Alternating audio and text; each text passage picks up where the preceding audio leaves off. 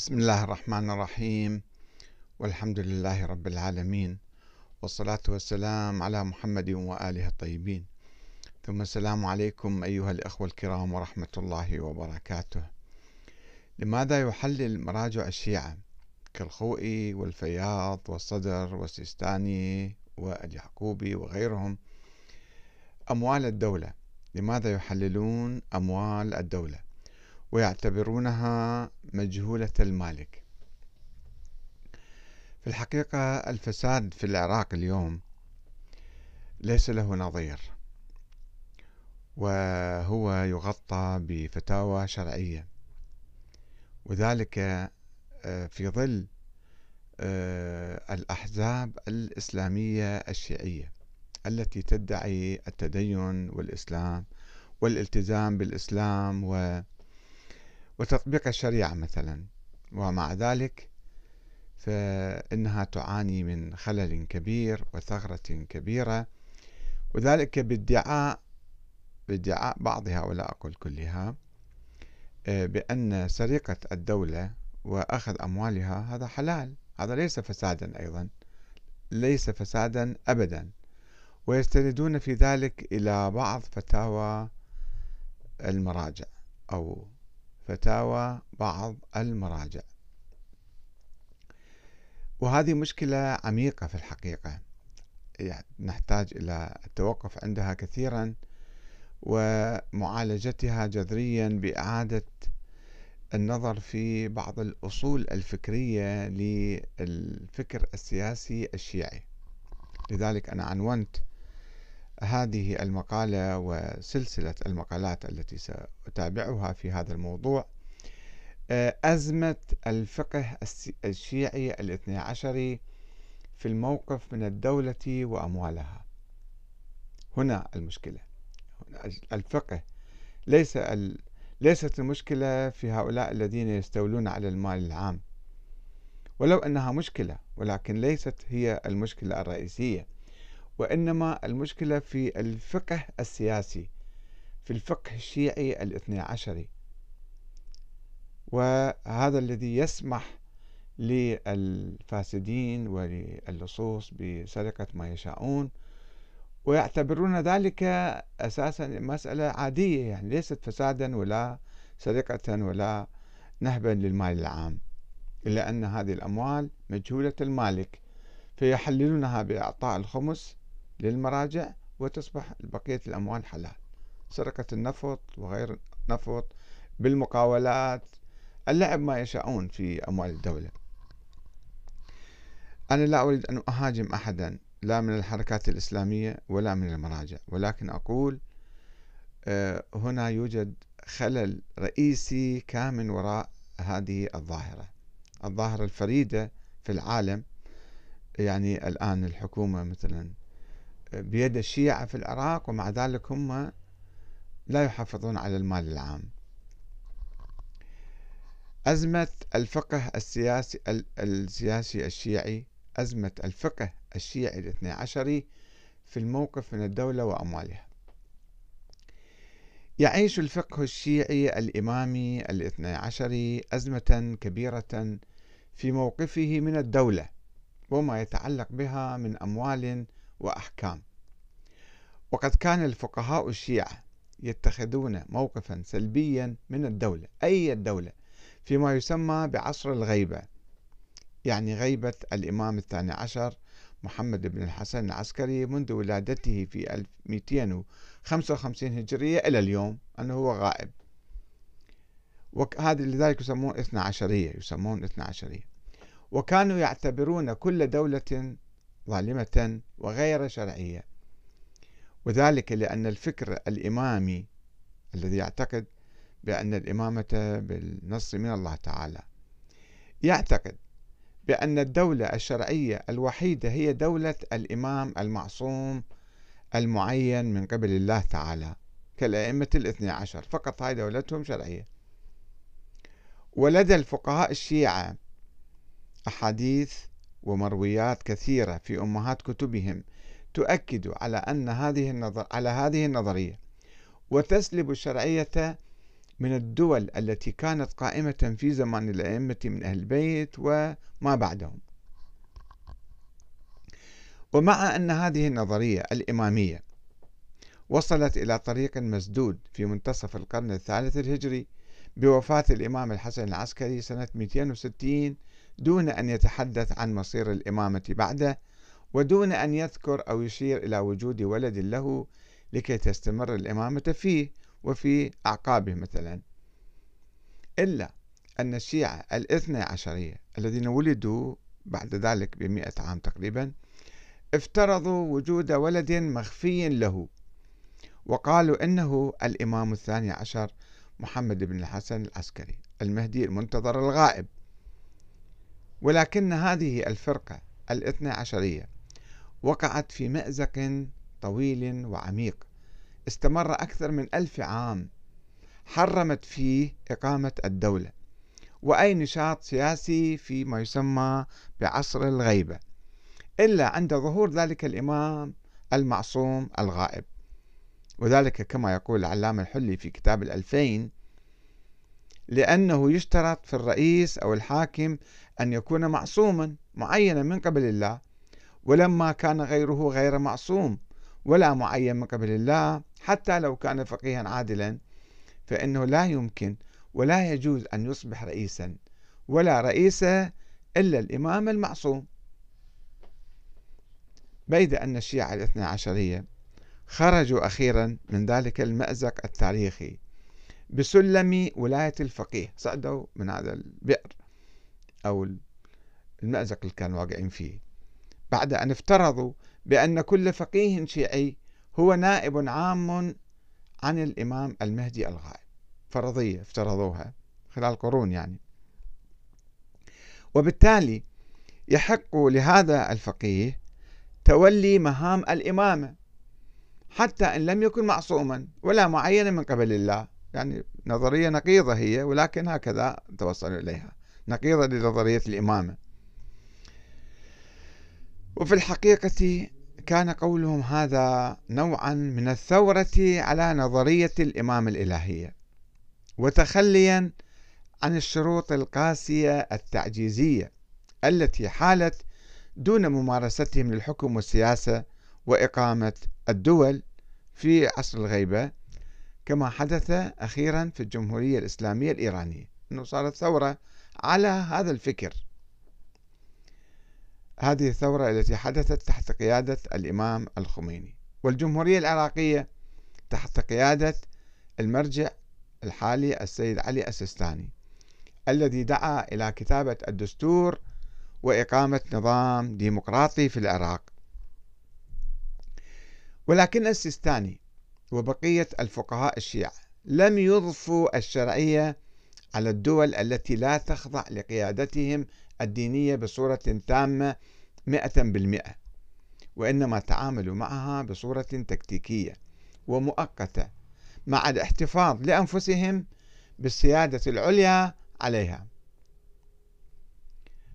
وبالرغم من عدم وجود أي دليل على وجود الإمام المهدي أو فرضية النيابة العامة للفقهاء عن ذلك الإمام فإن الفقهاء الشيعة تقمصوا دور الأئمة في التاريخ في موقفهم من الحكومات المعاصرة.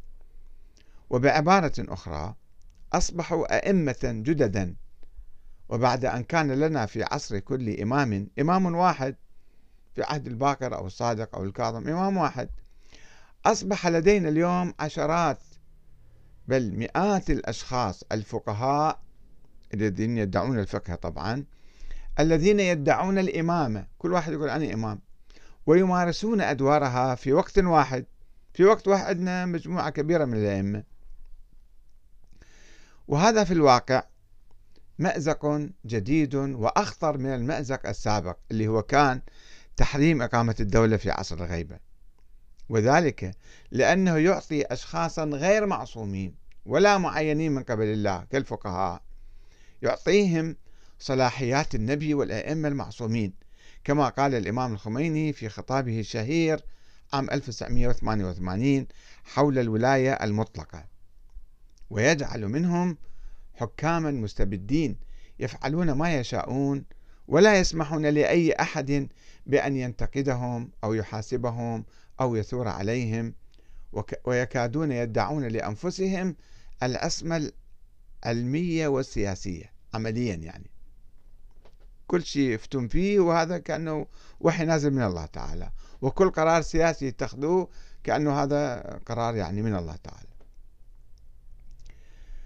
ويمكننا في ظل هذا التطور أو التدهور في الحقيقة التدهور السلبي في الفكر السياسي الشيعي المعاصر فهم بعض الفتاوى العجيبة الغريبة التي تصدر من بعض الفقهاء المعاصرين كالسيد الخوئي والسيد محمد الصدر والسيد علي السيستاني والشيخ إسحاق الفياض والسيد محمد سعيد الحكيم والشيخ محمد اليعقوبي وغيرهم وغيرهم.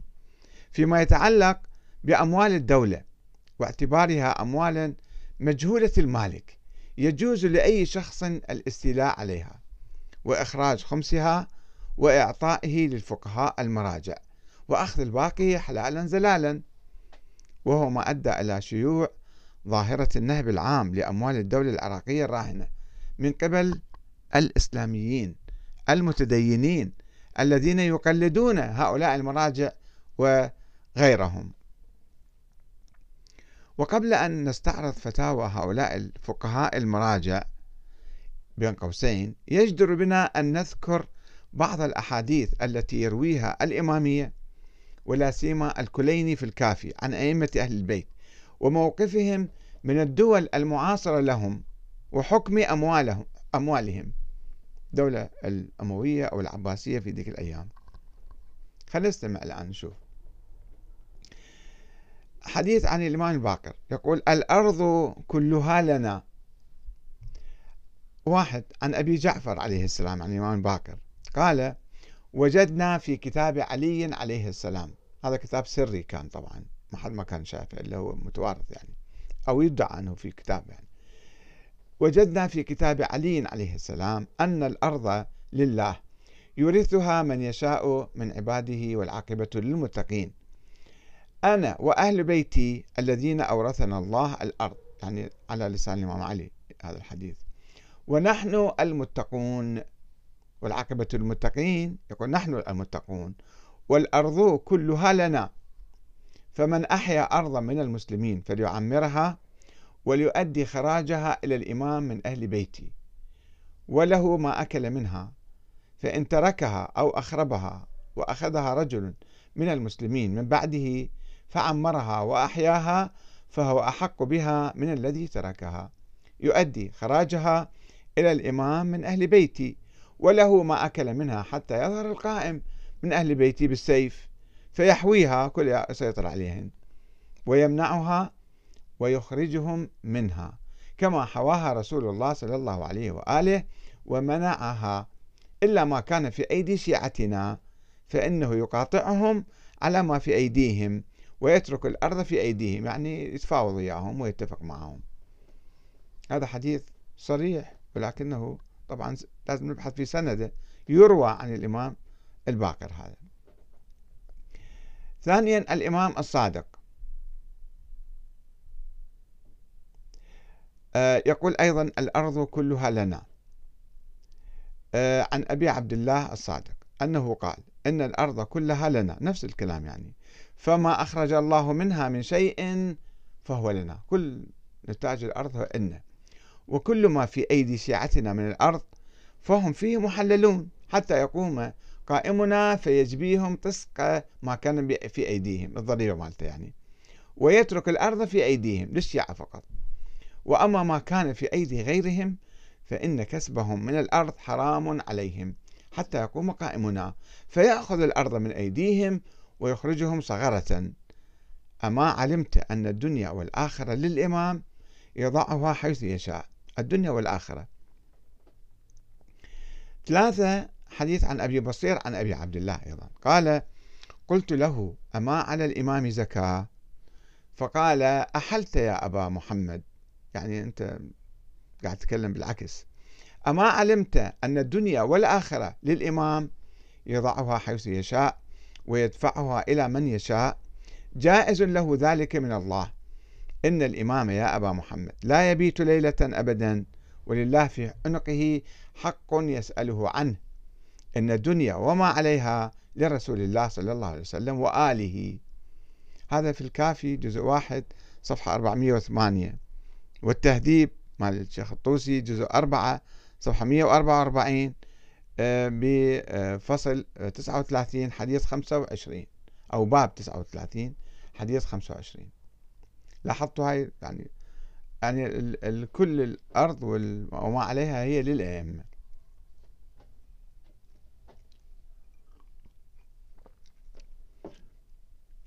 وتتضمن تلك الروايات عن الباقر والصادق أحكاما متفرعة عن أصل ملكية الأئمة للأرض وما عليها وهو السماح للشيعة الموالين للأئمة بالتمتع بأموال الدولة الظالمة بين قوسين يعني غير الشرعية بعد إخراج الخمس منها وتسليمه للأئمة أو حتى إضفاء الحلية على تلك الأموال من دون إخراج الخمس كقول الإمام الصادق لمسمى أبي سيار واحد من أصحابه. هذا كان موظف الذي ولي الغوص للدولة العباسية في البحرين. هو كان مسؤول عن بالخليج يعني. فأصاب أربعمائة ألف درهم عنده ضرائب وجاء بخمسها للبالغ ثمانين ألف درهم إلى الصادق. وقال له كرهت أن أحبسها عنك وأن أعرض, أعرض لها وهي حقك الذي جعله الله تبارك وتعالى في أموالنا. فقال الإمام الصادق يا أبا سيار قد طيبناه لك وأحللناك منه فضم إليك مالك من أحتاج. وكل ما في وكل ما في أيدي شيعتنا من الأرض فهم فيه محللون حتى يقوم قائمنا فيجبيهم فسق ما كان في أيديهم. يعني ضريبة. ويترك الأرض في أيديهم وأما ما كان في أيدي غيرهم فإن كسبهم من الأرض حرام عليهم حتى يقوم قائمنا فيأخذ الأرض من أيديهم ويخرجهم صغرا. قال عمر بن يزيد فقال لي أبو سيار ما أرى أحدا من أصحاب الضياع ولا ممن يلي الأعمال يأكل حلالا غيري إلا من طيبوا له ذلك. هاي نتيجة يعني. هذا الكوراني أيضا ينقل الشيخ علي الكوراني في معجم أحاديث المهدي عن ملاذ الأخيار جزء 11 صفحة 241 باب 11 حديث 9 وعن التهذيب نفس المصدر اللي نقلناه قبل شوية. ويظهر من هذا الحديث الذي يرويه الكليني والطوسي في أمهات كتب الحديث الشيعية كتب الأربعة يعني أن بعض الأئمة كالإمام الصادق لم يكن يأخذ الخمس. وأنه كان يحلل الأموال لشيعته خلافا لأئمة لاحقين كالإمام موسى الكاظم ومن بعده من الأئمة الذين كانوا يفرضون الخمس ويجبونه من شيعتهم بناء على الاعتقاد بملكيتهم للأرض وأموال الدولة. هم الله معينهم أئمة فالأرض الدولة كلها بيديهم. وليس خمس المكاسب فقط.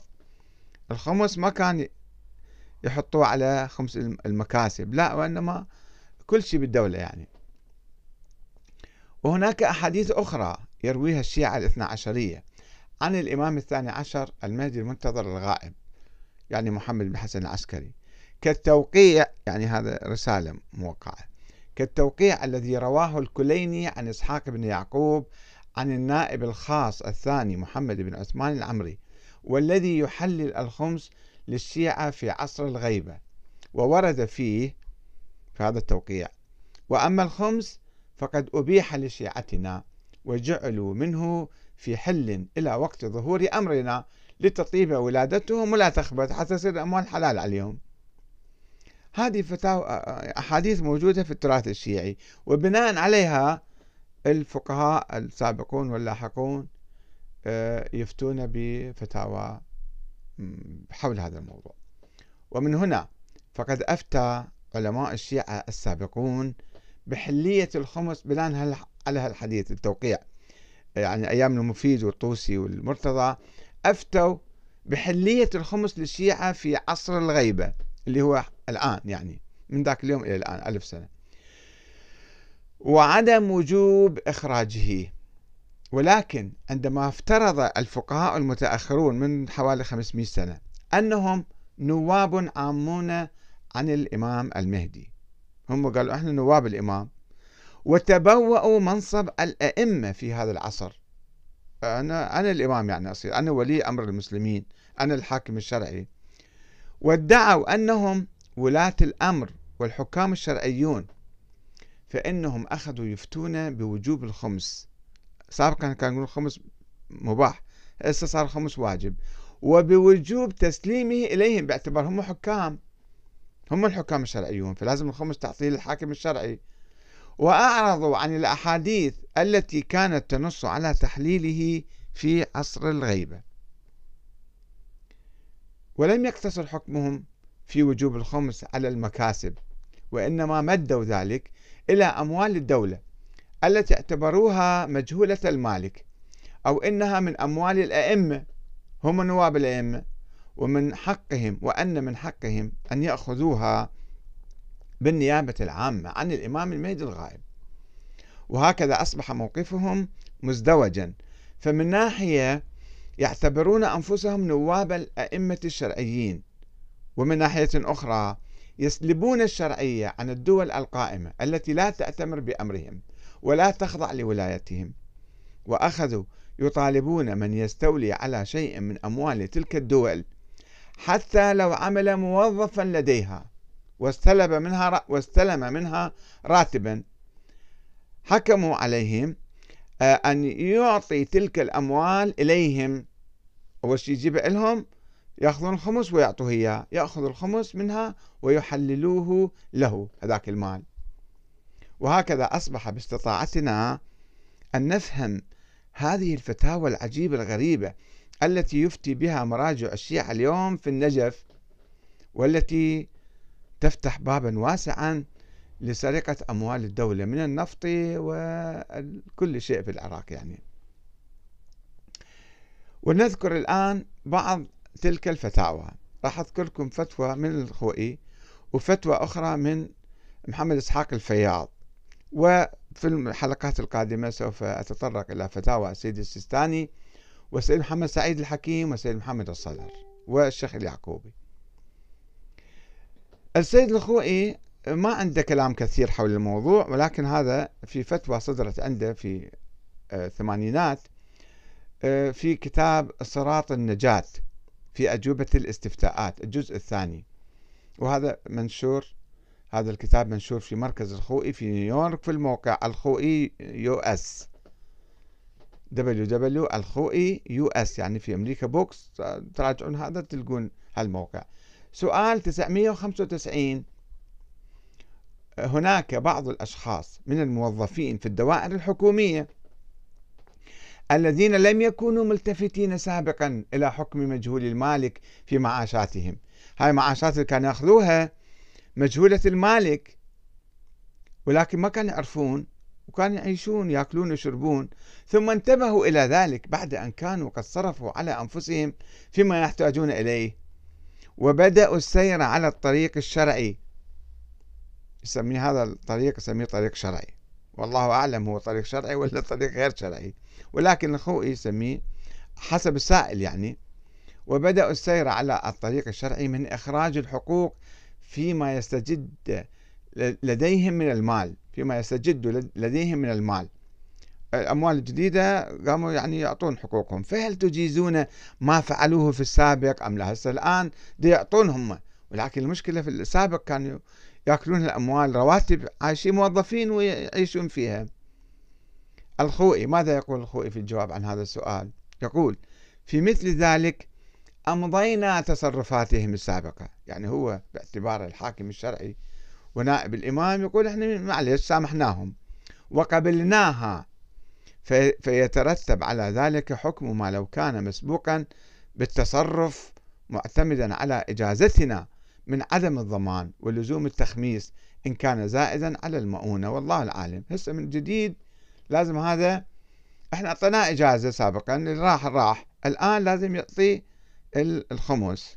لأن إحنا نعطي إحنا نعطيه الإجازة يعني. هو مصدر الشرعية باعتباره هو نائب الإمام المهدي فهو يسمح بذلك.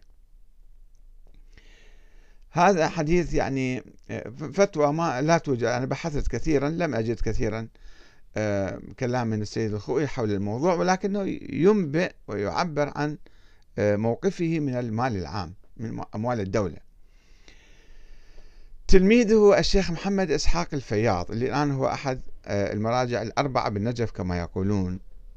هذا يتكلم عن الخمس في كتاب عنده اسمه تعاليق مبسوطة جزء سبعة صفحة 194 مسألة سبعة يقول النصف من الخمس الذي للإمام عليه السلام أمره في زمان الغيبة راجع إلى نائبه وهو من نائب الإمام في الغيبة الآن وهو المجتهد الجامع للشرائط.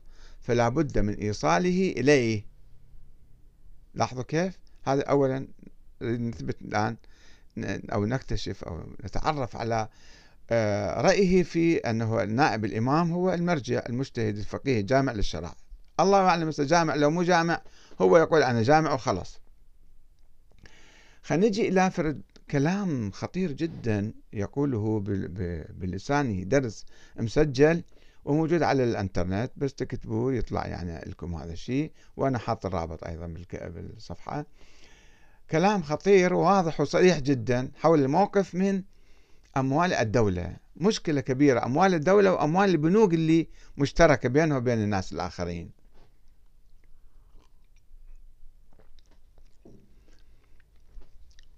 يقول الشيخ محمد إسحاق الفياض إذا كان للحكومة ولي شرعي يعني مرجع. فهذه الحكومة حكومة شرعية قائمة على أساس مبدأ الدين. وهذه الحكومة مالكة وقائمة على أساس مبدأ الدين. وأما إذا لم تكن الحكومة شرعية يعني حكومة ظالمة أي حكومة أخرى بأن لا يكون لها ولي شرعي منصوب من قبل الشارع بنصب خاص في زمن الحضور يعني في زمن حضور الأئمة هم عين واحد وكيل عنهم يحكم. أو بنصب عام في زمن الغيبة مثل الآن. النصب العام يعني افتراضي طبعا هذا. يعني نقول الأئمة مناصبين الفقهاء بالنصب العام. فهذه الحكومة طيب النتيجة ماذا تكون؟ فهذه الحكومة لا تملك الأموال الموجودة عندها في البنوك والمصارف والوزارات. والنفط مثلا بعد وأي شيء آخر بالدولة الحكومة ما تملكه. فإن العاملين في هذه الحكومة من رئيس الجمهورية إلى أدنى موظف ليست لهم ولاية على الحكومة. ما عندهم ولاية ذولا. ولايتهم غير شرعية. حتى يكون تصرفهم في هذا المال من باب تصرف ولي الأمر. ما, ما يصير. إذن فينتقل إلى موضوع آخر هو التعامل مع هاي الحكومة. والأقراض الحكومة وضع واحد يحط فلوسه مثلا بالبنك الحكومي أو ياخذ يقترض من الحكومة. شنو حكمه هذا؟ بناء على أن ذولا ما يملكون الاموال لا البنوك البنك المركزي ما يملك الدولة ما تملكه. هذا أموال سائب أموال مجهولة المالك هذه. يقول اذا الإقراض غير صحيح. فإن إقراض الحكومة لا يمكن ما يمكن تقرض الحكومة لأن العاملين في البنوك والحكومة ليست لهم ولاية حتى يأخذون المال قرضا على ذمة الحكومة. أصلا هو شعلية حتى يأخذ هذا وزير المالية مثلا يجي يأخذ قرض من الداخل أو من الخارج. ما عنده ولاية هو على نفسه ولا على حكومته حتى يقوم بإقتراض الأموال من الناس. والمفروض أن المودع اللي يحط فلوس. لم يودع أمواله عند العاملين في البنوك. طبعا ما يعطي هذا الموظف اللي قاعد وراء الكاشير مثلا. إنما يودع أمواله في البنوك التي هي جهة اعتبارية وفي ذمة البنوك. والمفروض أنه لا ذمة للبنوك. ما عندهم ذمة ذولا ما عندهم مسؤولية يعني. فإن العاملين في البنوك لا ولاية لهم حتى يأخذ المال في ذمة البنوك. ما لهم ما يحق لهم ذولا يأخذون قرض من واحد ويحطوه في البنك. وعلى هذا النتيجة ماذا تكون؟ فالإقراض غير صحيح. وكذلك الاقتراض من الحكومة. هسه واحد ياخذ أيضا هذا غير صحيح. فإن الأموال الموجودة في البنك ليست أموال الحكومة. الحكومة تملك شيء. لأنها إما أن تكون أموالا لا مالك لها كالإسكناس يسميها يعني أوراق النقدية يقصدها. التي أرسلت من الخارج وطبعت في الخارج وأرسلت إلى البنوك. هذه الحكومة ما تملكها. ولم تقع تحت أيدي مسلم. فهذه الأموال ليست ملكا لأحد. هاي أموال سايبة. أموال مجهولة المالك. وأما أموال المسلمين في البنوك اللي إجوا حطوها مثلا فإذا أخذ المال من البنوك فإن علم أنه من الأموال التي أرسلت من الخارج ولم تقع تحت أيدي المسلمين فهو ملك طلق له بالاستيلاء عليه. هاي الأموال اللي الحكومة قاعدة تطبعها. البنك المركزي افترض واحد يروح يهجم عليه ويصادر أموال البنك المركزي كلها. هذا حلال. ملك طلق له بالاستيلاء عليه. ولا يكون فيه أي ضمان. فهو مال مباح يملك بالاستيلاء والحيازة يا اللي يسيطر عليه خليه ياخذ المال إلى حلالا زلالا وأما إذا أخذ من البنك مالا يعلم أن فيه مال الغير بذاته يعني بهاي الأموال. نفس اللفة هاي اللي حاطها بالبنك هاي مال فد واحد. إما بالنصفي أو الثلثي أو الربعي أو الخمسي أو السدس فلا بد أن يتصدق. إذا كان أموال آخرين أيضا هم مجهولة المالك هذه.